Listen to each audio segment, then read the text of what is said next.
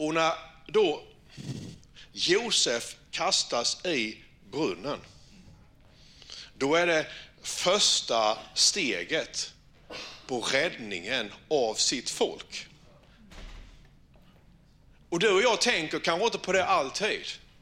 Och Josef tänkte inte på det och hans bröder tänkte inte på det utan de kastade ner honom i brunnen på grund av avundsjuka.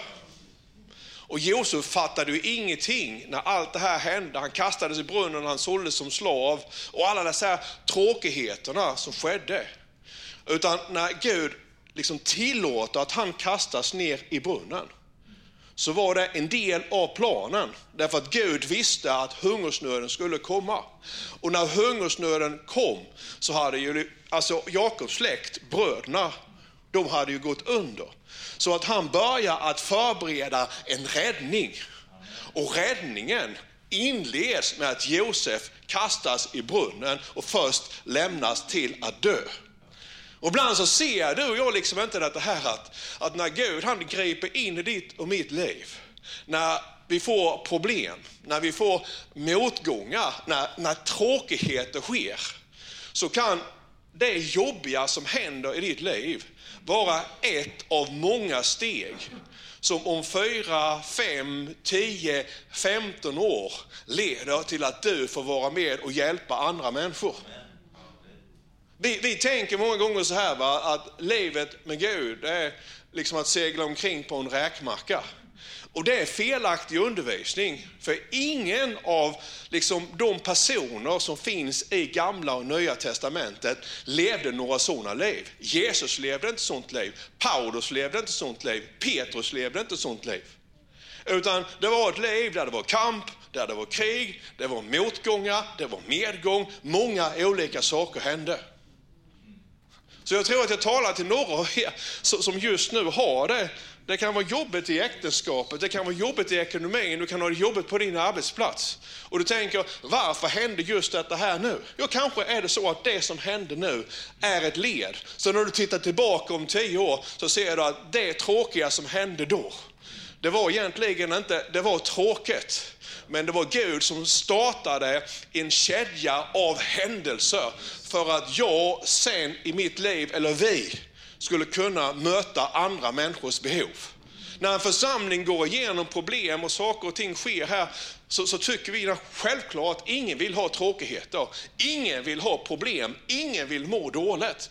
Men Gud tillåter att olika saker händer för att han har ett, vi måste lita på Gud. Kan du säga det? Vi kan lita på Gud. Ja. Och sen finns det självklart saker ibland som händer som vi inte kan förklara. Och, och det är inte dem jag talar om här nu. Jag, jag, kan säga det, vi hade ju mm, en gymnasieklass, eller en högstadieklass på besök här. Och, och då så var det en kille som räckte upp handen. Och så sa han så här att eh, min kusins treåring blev våldtagen av en pedofil. Kan du förklara det? Nej. Alltså, jag, jag menar, det, det finns saker och ting som sker i våra liv som vi inte kan förklara. Där får vi bara liksom uthärda det som har hänt. Men många tråkigheter kan faktiskt vara på det här sättet. Tänk själv, i mitt, jag tänkte på mitt eget liv här på morgonen. Jag gick, ut, jag gick inte ens ut grundskolan. Utan jag slutade, det slutade med en enda krasch när jag gått ut åttan. Och sen har jag varit i Örebro ett halvår och kommer hem och är 23 år gammal har ingen utbildning, har inget jobb. Jag har stämplat ut. Innan jag åkte till Örebro så hade jag gått två, år på, eller två veckor på socialen också. Så jag hade ju inga pengar, hade egentligen inga utsikter. Och där och då så står det en lapp på dörren in till Arbetsförmedlingen. Så står det att man kan läsa in gymnasiekompetens och få stämpla samtidigt. Jag var kanske inte så intresserad av att läsa in gymnasiekompetensen. Om man säger så. Va? Men däremot så behövde jag pengar. Så jag började på den här utbildningen och den ledde mig till lärarhögskolan. Lyssna nu. Om inte min skolgång hade kraschat om jag inte hade varit utstämplad och liksom nedkastad i gropen så hade jag aldrig träffat Håkan och Christer från ja, Missionsförbundet. Det kan komma något gott från dem också ibland, eller hur? Alltså jag hade aldrig träffat dem då på lärarhögskolan. Det var de som sa Tommy, har du bett någon gång? Sa de när jag hade läst Bhagavad Gita. Ja, och alltihop det här ledde ju till att Jesus kom. Kan du se det här? Alltså det började med att man var i gropen. Det började med att saker och ting gick fel. Men ja, kanske var det så att Gud var där. Dessa här sakerna som jag tyckte gick fel, de gick egentligen rätt. Hör du vad jag säger? Alltså det som du och jag ibland tycker går fel, det går rätt. Bara för att det är Gud som har hela perspektivet. Mm, så är det va. Så vi tycker liksom, jag tycker liksom, varför gjorde inte Gud någonting åt min skolgång? För det är visserligen så att jag är bra på att gå i skola. Jag har tänkt det många gånger. Varför gjorde han inte någonting åt det när jag åkte upp till Örebro till ingen nytta? Varför gjorde han inte någonting åt när, som jag sa förra gången, när Jakob, eller när Josef kastades i brunnen, när han såldes som slav, eller när han kastades till fängelse. När han gjorde ingenting åt det, men han gjorde någonting av det. Han gjorde inte någonting åt min skolgång, men han gjorde någonting av det. Halleluja. Och kan du peka på dig själv och säga, det här gäller mig också. Ja, så det kan vara så att, att ditt äktenskap just nu, du säger det här är inte bra Tommy. Varför gör inte Gud någonting åt det? Han gör kanske inte någonting åt det, men jag tror att han gör någonting av det. Så om fyra, fem år så ser du kanske vad han gjorde. Och då kan det vara så att ni hjälper ett annat par som är i samma situation som er. Därför att Gud han använder människor för att hjälpa andra människor. Kan du säga amen till det? Och nu ska vi läsa några bibelläs här tillsammans. De är speciella. Mm. Kan vi läsa dem? Ja. Jag är på väg någonstans. Säg vi är på väg någonstans. Ja. Ett, två, tre. Frukta inte, ty jag är med dig. Se dig inte ängsligt om. Ty jag är din Gud, jag styrker dig, jag hjälper dig, jag uppehåller dig med min rättfärdighets högra hand. Om än min väg går genom nöd håller du mig vid liv. Mot mina fienders vrede räcker du ut din hand. Din högra hand frälser mig. Din högra hand, Herre, härlig i sin kraft. Din högra hand, Herre, krossade fienden. Alltså, det var mycket höger hand här, eller hur? Och jag är vänsterhänt. Jag brukar säga det, jag och Albert Einstein och Leonardo da Vinci och så några till. Fader, vi tackar dig i Jesu namn för din nåd här idag, Herre. Och vi ber att du uppenbara ditt ord och det du vill ha sagt här så att alla känner av att du är i deras hjärta för att göra någonting i den här gudstjänsten. Amen. Så får jag nästa slide. Högra hand. Och alltså, det var ju Guds högra hand då som tog Josef till tronen. Alltså, Guds högra hand är ju den hand som, som krigar. Guds högra hand är den som, som strider. Och många gånger när vi läser om Josef då så tycker vi att det här är fantastiskt. Men det är ju så också att, att när det gäller det kristna livet, som jag skriver här vid då, så är det bra och dåligt bor på samma gata. Du kan ha favör med Gud och vara utarmad samtidigt. Josef hade ju favör med Gud när han kastades ner i brunnen. Josef hade favör med Gud när det var hungersnöd och torka i Egypten. Alltså hur kan man ha torka i sitt liv? Hur kan livet vara jättejobbigt och samtidigt har man favör med Gud? Ja, därför att sånt är livet. Vi tittar för mycket på TV ibland. Och, och vi vill liksom ha ett tv-liv. Men det, det, finns inte. Alltså det du och jag vill se på tv, det, det, det är regisserat, det är klippt. Va? Vad heter det här programmet när de sjunger, när det är två pianister? Så ska det låta. Ja. Alltså vi tänker de tävlar, de tävlar inte alls. Allting är redigerat. Det finns en producent och det är ihopklippt.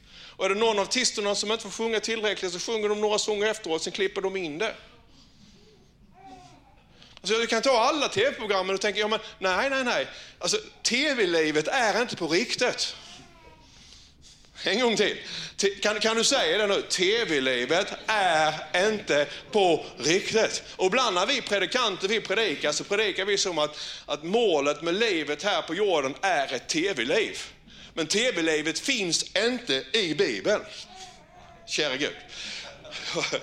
Och det, det är ju så, va? om det, nu, det är ett hus till salu på min gata nu. Säg nu att det bara hade bott kristna på min gata. Den är inte så lång, så det skulle kunna göra, bara kristna. Hade det varit på det sättet då att på sommaren så hade solen varit uppe på dagen så hade det regnat på natten. Ja? Så det är perfekt för sommarväder, eller hur? Det börjar regna klockan 12 och så regnar det fram till klockan 4 så att ja, gräsmattan får vatten och blommorna och så här. Va? Sen kommer solen så när vi stiger upp så är det lagom torrt. Och sen så på, på ja, grannvägen då där det bara bor hedningar. Där regnar det på dagen och sen så är det inget moln på himlen på natten. Så är det ju inte, utan livet här är ju på det sättet att Gud han låter solen gå upp över både de rättfärdiga och orättfärdiga. Vi får på något sätt ta oss igenom livet. Men det finns en viss skillnad. Vi talar väldigt mycket om tron, eller hur? Och du som är här inne, du har ju tro, och sen så finns det hopp, och så finns det kärlek. Det som skiljer oss, det är ju dels tron, men vi talar för lite om hoppet. Jag vet inte om du har tänkt på det, alltså hoppet är någonting fantastiskt. Därför att många gånger då när, när livet går sönder och, och, när man kastas ner i gropen så ger människor upp. Varför det då? Jo, därför att de ser inget ljus i tunneln. Men vi är annorlunda. Därför att även när vi är i gropen, då hoppas vi. Du vet att när läkaren säger att ja, det här får du nog leva med resten av livet. Då tänker du att ja, Gud kan göra någonting åt eller hur? Alltså, hoppet finns ju där. När du går på en arbetsplats där du inte trivs och du vet inte hur du ska kunna ta dig därifrån. Och, och dina arbetskamrater de säger samma sak, att här får vi vara till pensionen. Så tänker du att, ja, jag hoppas. Alltså hoppet finns ju där alltid. Och det är den stora skillnaden. Va? Grannarna säger det kommer inte regna nästa sommar också. Så tänker du, jag har bett till Gud. Jag tror att han ändrar vädret på min gata. Alltså, vi är ju så dumma om jag får säga det, så vi hoppas i alla livets olika situationer. Och det var det som Josef han gjorde. Han hade ju en enorm förmåga att när livet var som värst och tyngst och mörkast så hoppades han i i alla fall. Han hoppades i gropen, han hoppades när han såldes till slav, eller hur? Han hoppades hela tiden. Det, det finns där inne och det har ju du också, du har ju hoppet. Vi är lite tokiga du och jag, därför att vi hoppas. Mm? Och när grannarna de säger att ja, nu kommer det inget regn den här veckan, nu bränner nog din gräsmatta Tommy. Alltså jag är så korkad om jag får säga det. Jag tror faktiskt att Gud kan göra så att min gräsmatta inte bränns. Sen bränns den i alla fall. Och trots att den bränns varje gång det inte regnar så har jag ändå hoppet att förr eller senare så klarar den sig genom torkan. Är du här idag? Alltså, det, det, är ju, det är ju det som gör att, att vi tar oss igenom. Hoppet är någonting fantastiskt. Kan du säga det till din granne? Ja, och, och, det jag pekar på nu då att när, när, du och jag vi tar oss igenom livet, när vi krigar, när det är jobbigt hemma, när det är jobbigt på arbetsplatsen, när det är jobbigt ja, med ekonomin, så, så, så, så ber vi. Och, och vi vet att Guds handen finns där. Guds handen krigar, Guds handen strider, Guds handen lyfter upp, Guds handen besegrar fiender, Guds handen hela, eller hur? Och det är den högra handen. Men har du tänkt på en sak, att Gud han har två händer. Han har en vänsterhand också. Kan du säga tack och lov för de vänsterhänta? Ja, får jag nästa slide här så ska jag visa dig en sak. Då står det faktiskt så här. Det finns en bok som jag aldrig läser i Bibeln. Så jag slog upp det här och det är Höga Visan. Så jag, ni ska läsa den så, men ja, jag, har, jag är inte så här romantiskt lagd om man säger så. Det är en väldigt romantisk bok. Jag förstår inte den riktigt. Mm. Josuas bok förstår jag mycket bättre. Vi ska inta landet liksom. Ja. men då står det i alla fall i Högervisan kapitel 2, vers 6, så står det så här va, att hans vänstra arm vilar under mitt huvud och hans högra arm omfamnar mig.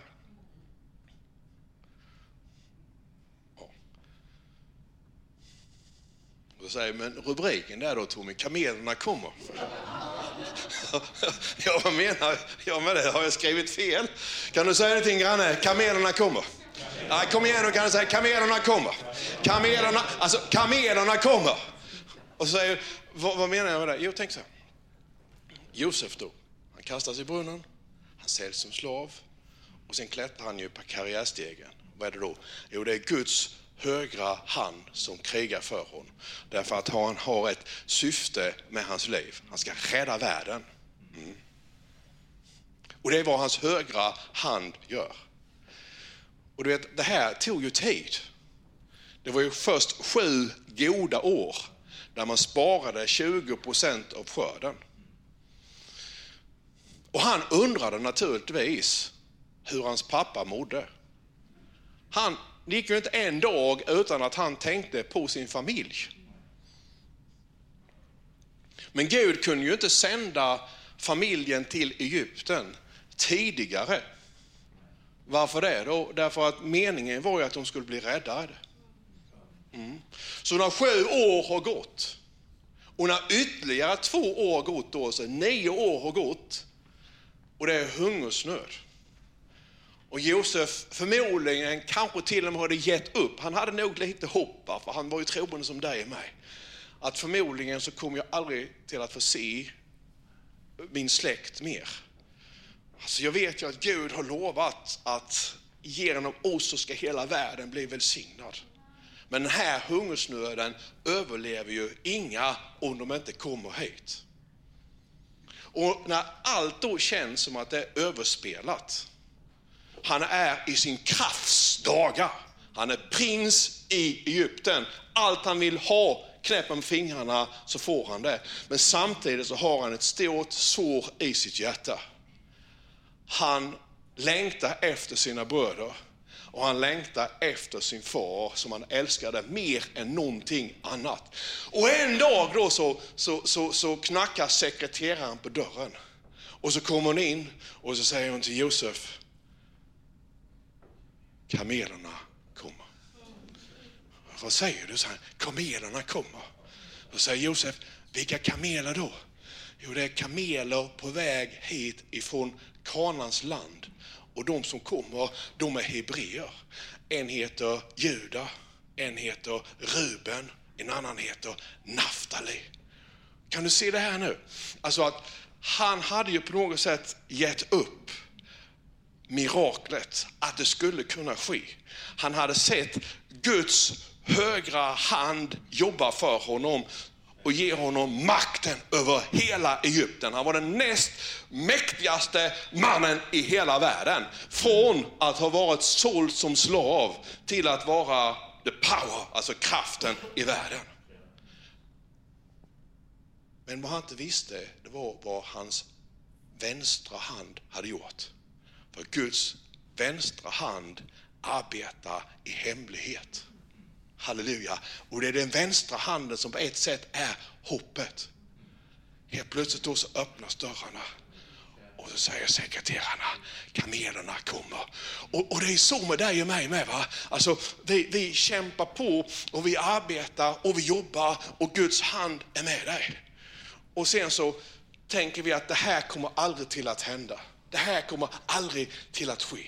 Och en dag så ringer det och så svarar du och så är det någon som säger kamelerna kommer. Alltså, du trodde aldrig att kamelerna skulle komma igen från Kanans land, men kamelerna kommer. Det finns människor som har tänkt att jag blir nog ensam, jag lever singel i hela mitt liv. Och en dag så plötsligt händer det. Halleluja. Kamelen kom. Kan du se detta här? Förstår ni vad jag pratar om? Alltså man, man, har gått och trampat på samma industrigolv år efter år efter år och man vantrivs och man håller på att spy när man går till jobbet och man tänker jag kommer aldrig härifrån. Och ändå så öppnas bara en möjlighet. Det är någon som säger att jag behöver precis det du kan. Kamelerna kommer. Är du här idag? Alltså man, man, man, man har liksom kämpat med sin ekonomi och man får inte det till att gå ihop. En dag så bara ramlar kamelerna in med både det ena och det andra. Alltså när du har gjort det du ska, när du har levt i tro, du har tjänat Gud och du har jobbat och du tycker att du har allt men ändå så har det här såret, den här längtan i ditt hjärta och du tänker att Gud det här kan, är så bra så det är inte möjligt att du gör det. Då plötsligt sker det, halleluja, kamelerna kommer. Vi har längtat efter väckelse i Sölvesborg i över 25 år. Men jag ska säga till dig att det är inte för sent för Gud att kalla in de stora kamelerna i Sölvesborg. Visst är det på det sättet? Alltså vi, vi tror ju på något sätt att när vi har jobbat, vi har bett, vi har haft gudstjänster, vi har kämpat och vi har gjort både det ena och det andra. Och Guds vänstra hand, jag tror, jobbar i hemlighet. Och förr eller senare så sker miraklet. Kan du säga det en gång till? Kamelerna kommer. Då får jag nästa slide. Vi är på väg någonstans. Och då är det så här va, att favör måste positioneras. Därför att Josef han hade ju favör. Och jag har skrivit här vid då att en fot i örat hjälper ju ingen. Och vad menar jag då med det? Jo, Paulus han skrev ju så här va, att vi är ju lemmar som är till för varandra. Och foten kan ju inte säga att jag inte är fot och handen kan inte säga att jag inte är hand. Men för att foten ska kunna på något sätt bära kroppen så måste ju foten komma i position, eller hur? Om du kan spela piano då, så en pianist blir ju först en pianist bakom pianot. Alltså pianistens talang, pianistens gåva, pianistens färdigheter måste ju positioneras. Så den gåva som Gud har lagt ner i ditt liv, alltså den favör som är över dig. Du kan ha hur mycket favör över ditt liv som du vill. Om det inte kommer liksom i rätt position så kommer den aldrig till att kunna göra någonting för några andra människors liv. Alltså när han kastas ner i brunnen, var ni med här, så var Guds favör över hans liv. Eller hur? Men det var fortfarande inte i position. När han såldes som slav så var favören fortfarande över Josefs liv. När han kommer till Potifar så var favören fortfarande över hans liv. När han kastats för fängelse igen så var favören fortfarande över hans liv. Men det var först när han blev prins i Egypten som favören positionerades och favören kunde bli det som Gud hade menat att den skulle bli. Alltså du måste ha en position. Och det är samma sak med vår församling. Vår församling måste komma i position. Den favör som är över i ditt liv, du kommer i position på din arbetsplats, på skolan, bland dina grannar. Så att det som Gud han har i ditt liv, det kan börja regera och göra skillnad för alla, alla människor. Och när hans bröder kommer då, har du tänkt på det här? Alltså, han räddade ju egentligen livet. Eller han räddade livet på de som hade förstört hans liv. Vi ska läsa nu vidare för att jag kan inte ta hela den här texten. Vi ska, vi ska bara få se några saker för att det är ju därför som Josef är Josef. Var ni med här? Då kunde Josef inte behärska sig längre. Det var ju så att när bröderna till sist kom och då så kände de ju inte igen honom. Det tar ju några månader här vid fram och tillbaka innan han så att säga berättar att han är Josef. Han började gråta högt och Josef sade till sina bröder, jag är Josef. Lev, alltså den första frågan, lever far än? Men hans bröder kunde inte svara, så förskräckta blev de för honom. Och det är klart att de blev rädda, de visste ju vad de hade gjort.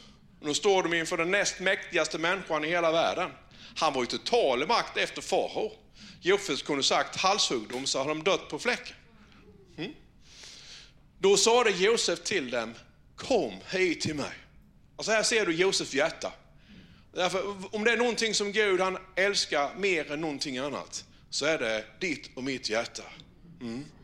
Kom hit till mig. Och när det kom fram sa han, jag är er brors bror Josef, som ni sålde till Egypten. Men var inte bedrövade och sörj inte över att ni sålde mig hit.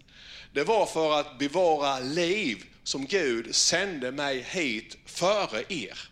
I två år har det nu varit hungersnöd i landet och det återstår fem år då man varken ska plöja eller skörda. Men Gud sände mig hit för er, för att ni skulle få bli kvar på jorden och för att han skulle hålla er vid liv till en stor räddning. Och sen den fantastiska vers 8. Det är alltså inte ni som har sänt mig hit, utan Gud. Alltså det var inte ni som kastade mig i brunnen. Det var Gud som kastade mig i brunnen. Det var inte ni som sålde mig till Egypten. Det var Gud som sålde mig till Egypten. Och jag ska ta den här, ta del 4 sen, för här lyfter han alltså skulden i båt ifrån sina bröder. Hur många av er som är här idag hade reagerat som Josef? Nu kommer ni här. Det var ni som kastade. Vet ni vad jag har gått igenom? Vet ni hur det känns att sitta i en brunn och tro att man ska dö? Vet ni hur det känns att bli såld som slav? Vet ni hur det känns att sitta i fängelse? Och nu har ni mage att komma hit här och be mig om att jag ska hjälpa er. Nej, jag talar om för dig brorsan en sak. Du kan skörda dina egna korn eller så kan du och din släkt svälta ihjäl. För mig rör det inte ett dugg. Hur många av er här inne hade reagerat så? Ingen hoppas jag. Men tanken hade nog slagit oss. Eller hur? Ja, men Josef, han, alltså, lyssna nu, för det finns en vishet i alltihop det här. Josef hade en, en enorm förmåga att vända varje situation till något positivt.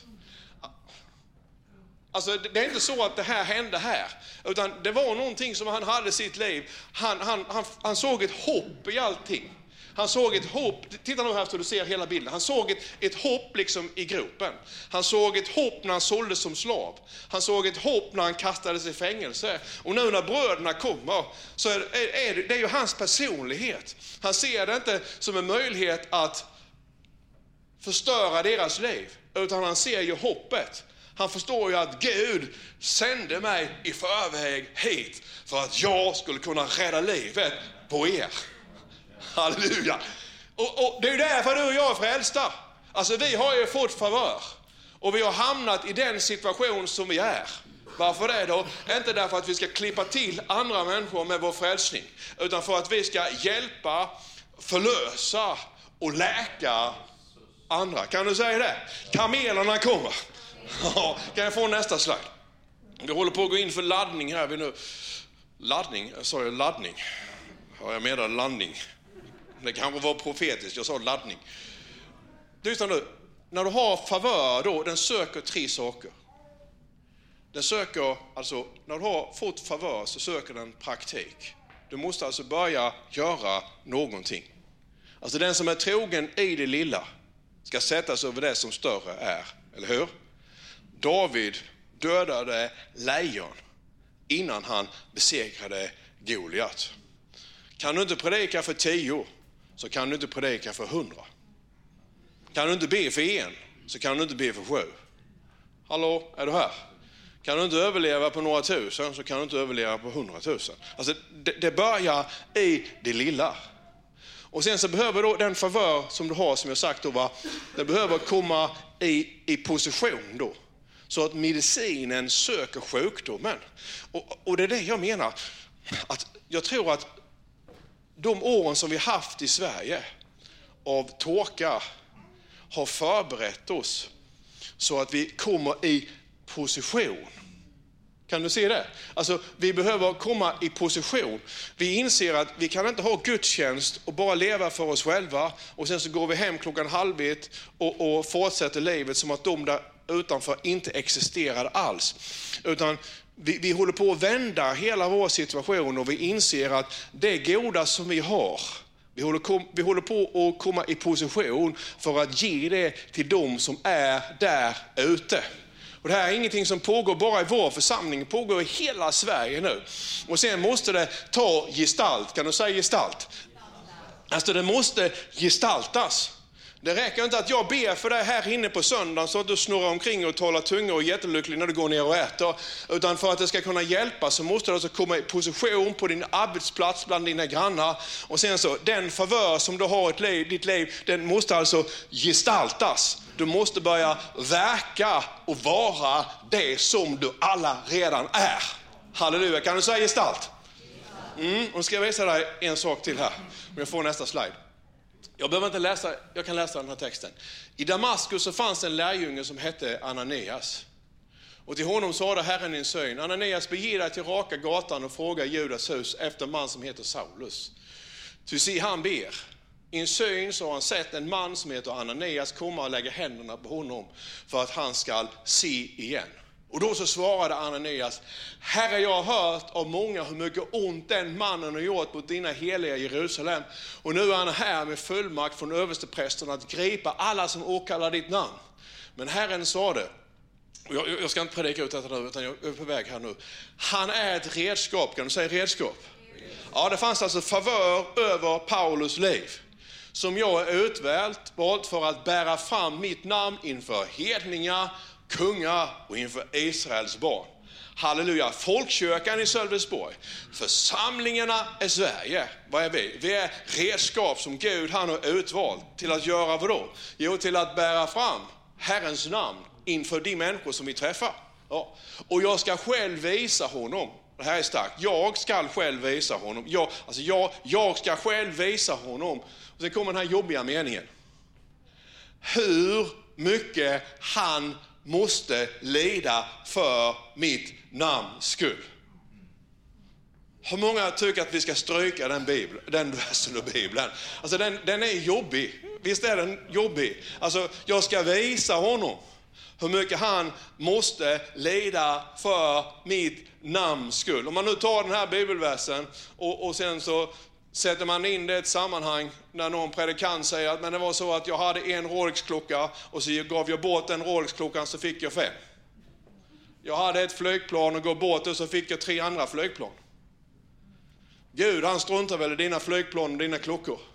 Han är inte intresserad av klockor. Han är intresserad av frälsta själar. När du intresserar dig för frälsta själar så får du den andra som en bonus. Men det är ju inte målet. Eller hur? Alltså hur du måste lida för mitt namns skull. Det var ju klart på det sättet att när Josef, han så att säga steg till makten, så om det hade varit idag så hade han kunnat skrivit, köpt hur många Ferraris och hur många klockor han hade velat. Men det var ju inte därför han kom i position. Och han kom inte i position heller för att andra skulle ha Ferraris. Han kom i position för att rädda världen och för att rädda din, sin släkt. För hans släkt hade en kallelse att i hans släkt skulle alla bli välsignade genom någon som skulle komma mycket, mycket senare som heter Jesus Kristus. Mm, jag, jag, tror på något så här, va? Jag tror så här, och det är det som inleder med att, att här någonstans så ser Paulus himmelen. Och här är han nu. Så säger Gud till honom att jag kan inte ta dig till kejsaren utan lidandet. Men för min favör är över dig när du lider skeppsbrott. Min favör kommer att vara över dig när du piskas. Min favör kommer att vara över dig när du sitter i fängelse. Ja, så är det. Eller hur? Och han visste ju att han var på väg någonstans. Predika evangelium för hela Europa. Halleluja. Så därför så kommer jag till, till nästa slide här, sen är vi strax klara då. Och då står det så här va, att favör är, kommer ni ihåg den först? Favör söker, och då? Praktik, en plats och att positioneras. Men favör är också förtroende. Alltså när du har fått förtroende så, så måste du ibland lyfta dig över dina känslor. Vilket innebär att om din granne är otrevlig så kan du inte vara otrevlig tillbaka mot honom. För du har fått en position där du ska vinna din granne för Jesus. När dina arbetskamrater är taskiga och dumma så kan du inte lägga häftigt på deras stol. Kom igen, är du här idag? Alltså, kan du se det här? Alltså det här man, man, kan, känslor är känslor och man kan släppa ut dem. Det får du göra hemma då, du får skrika i huvudkudden, men du kan inte skrika på de människor som du ska rädda. Det, alltså, det, det är klart att när, när bröderna kommer här så, så gråter ju Josef. Så det var säkert blandat. Det var inte bara så att han var glad för att se dem. Det fanns också i honom en brottningskamp. För han var också en människa. Eller hur?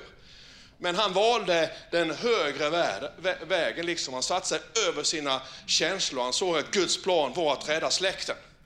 Och det är också, liksom, på något sätt så, förvör är pragmatiskt. Det handlar om att betjäna andra människor. Alltså får du nu förvör så är det inte tänkt att du ska bli överlägsen.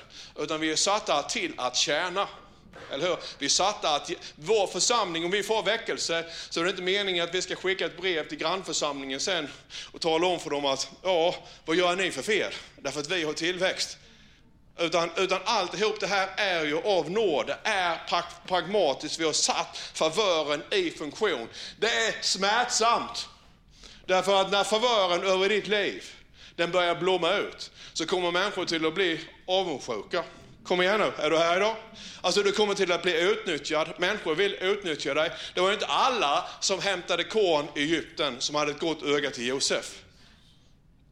Och det här får vi leva med. Vi är frälsta. Vi är hans folk. Halleluja. Vi har favör över våra liv. Vi har ett hopp när alla andra tycker att det finns inget hopp. Men det som vi har kan vi liksom inte bli högmodiga med. Mm, eller hur? Och sen finns det då ett syfte. Det finns alltid ett syfte. Och syftet är alltid andra människor. Syftet med att du är i församlingen är inte att du ska bli rik. Syftet är inte att du ska bli helad. Alltså det, egentligen, nu går jag rätt så långt här. Syftet är inte så mycket av de andra sakerna. Det är någonting som vi får på köpet av Guds godhet och nåd. Syftet är att vi ska nå andra människor med evangelium. Och när vi får rätt syfte, det är det som är det mäktiga, då händer mycket av det andra också. Både det som är bra och det som är dåligt. Kan du se detta här? Alltså det, det, är målet med våra liv, människors frälsning. Och vi behöver varandra då för att kämpa och se alltihop detta här. Alltså Josefs liv är ju mycket, mycket märkligt. Och när man verkligen börjar specialstudera det så ser man ju kriget, man ser kampen, men man ser också hoppet. Halleluja. Så att när man då är i en gudstjänst som denna, amen, då, då, då, då innehåller det många olika delar, eller hur? Beroende på vilken du är. Någon går hem härifrån och tänker att min favör ska minsann blomma ut på arbetsplatsen och jag ska positionera. Någon annan börjar fundera, jag undrar just när kamelerna kommer, jag har väntat ganska så länge nu. Eller hur? Det talar på olika plan, på olika sätt, men vi är på väg. Och då kommer vi till sista sliden som är bara själva sammanfattningen, eller hur? Någonting hände då i gropen så att något annat kan hända nu. Hans vänstra arm vilar under mitt huvud och hans högra arm omfamnar mig.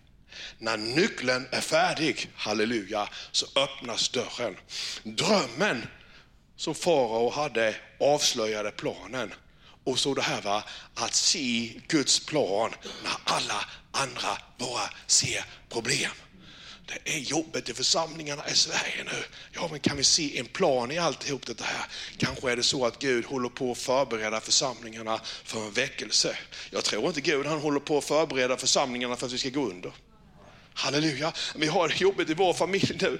Hur ska det här gå Tommy? Jag tror inte Gud han förbereder din familj för att den ska gå under. Jag tror att Gud han förbereder din familj för att den ska komma ännu mer i funktion för den plan som Gud han har. Alltså Tommy det är så jobbigt i mitt liv nu, jag vet inte vad jag ska göra. Jag tror inte att Gud han liksom tyck, tror, liksom har tänkt att det ska bli jobbigare, jobbigare, jobbigare, jobbigare, jobbigare. Kanske är det så att han sänder människor i ditt liv för att det ska vända och bli bättre och bättre och bättre. Alltså man kan fokusera på lösningen istället. Och sen den sista grejen här kan jag inte ta för att få predika en timme till. Men jag ska säga det ändå, bli inte bitter. Hör du vad jag säger? Bli, om Josef hade blivit bitter, då hade han aldrig kommit längre än gropen. Då hade han nog skjutit honom, för de hade velat ha en slav som är bitter. Han hade aldrig tagit sig ur fängelset. Det går inte att vara bitter. Utan man får, som Paulus säger, jag förgäter det som ligger bakom mig. Jag gör ett avstamp, halleluja, och sen så går jag framåt. Ja, och det är en process att gå framåt. Men du kan i alla fall bestämma dig. Och vi måste bestämma oss som församlingar. Vi går framåt. Halleluja. Kan du ropa något högt? Kamelerna kommer. Ja, du ska se, bara en dag så, så bara om vi jobbar mot det. Om vi jobbar mot det, för det sker inte av sig själv, men om vi jobbar mot det. Så förr eller senare så händer det. Plötsligt sker det. Halleluja. Kamelerna kommer.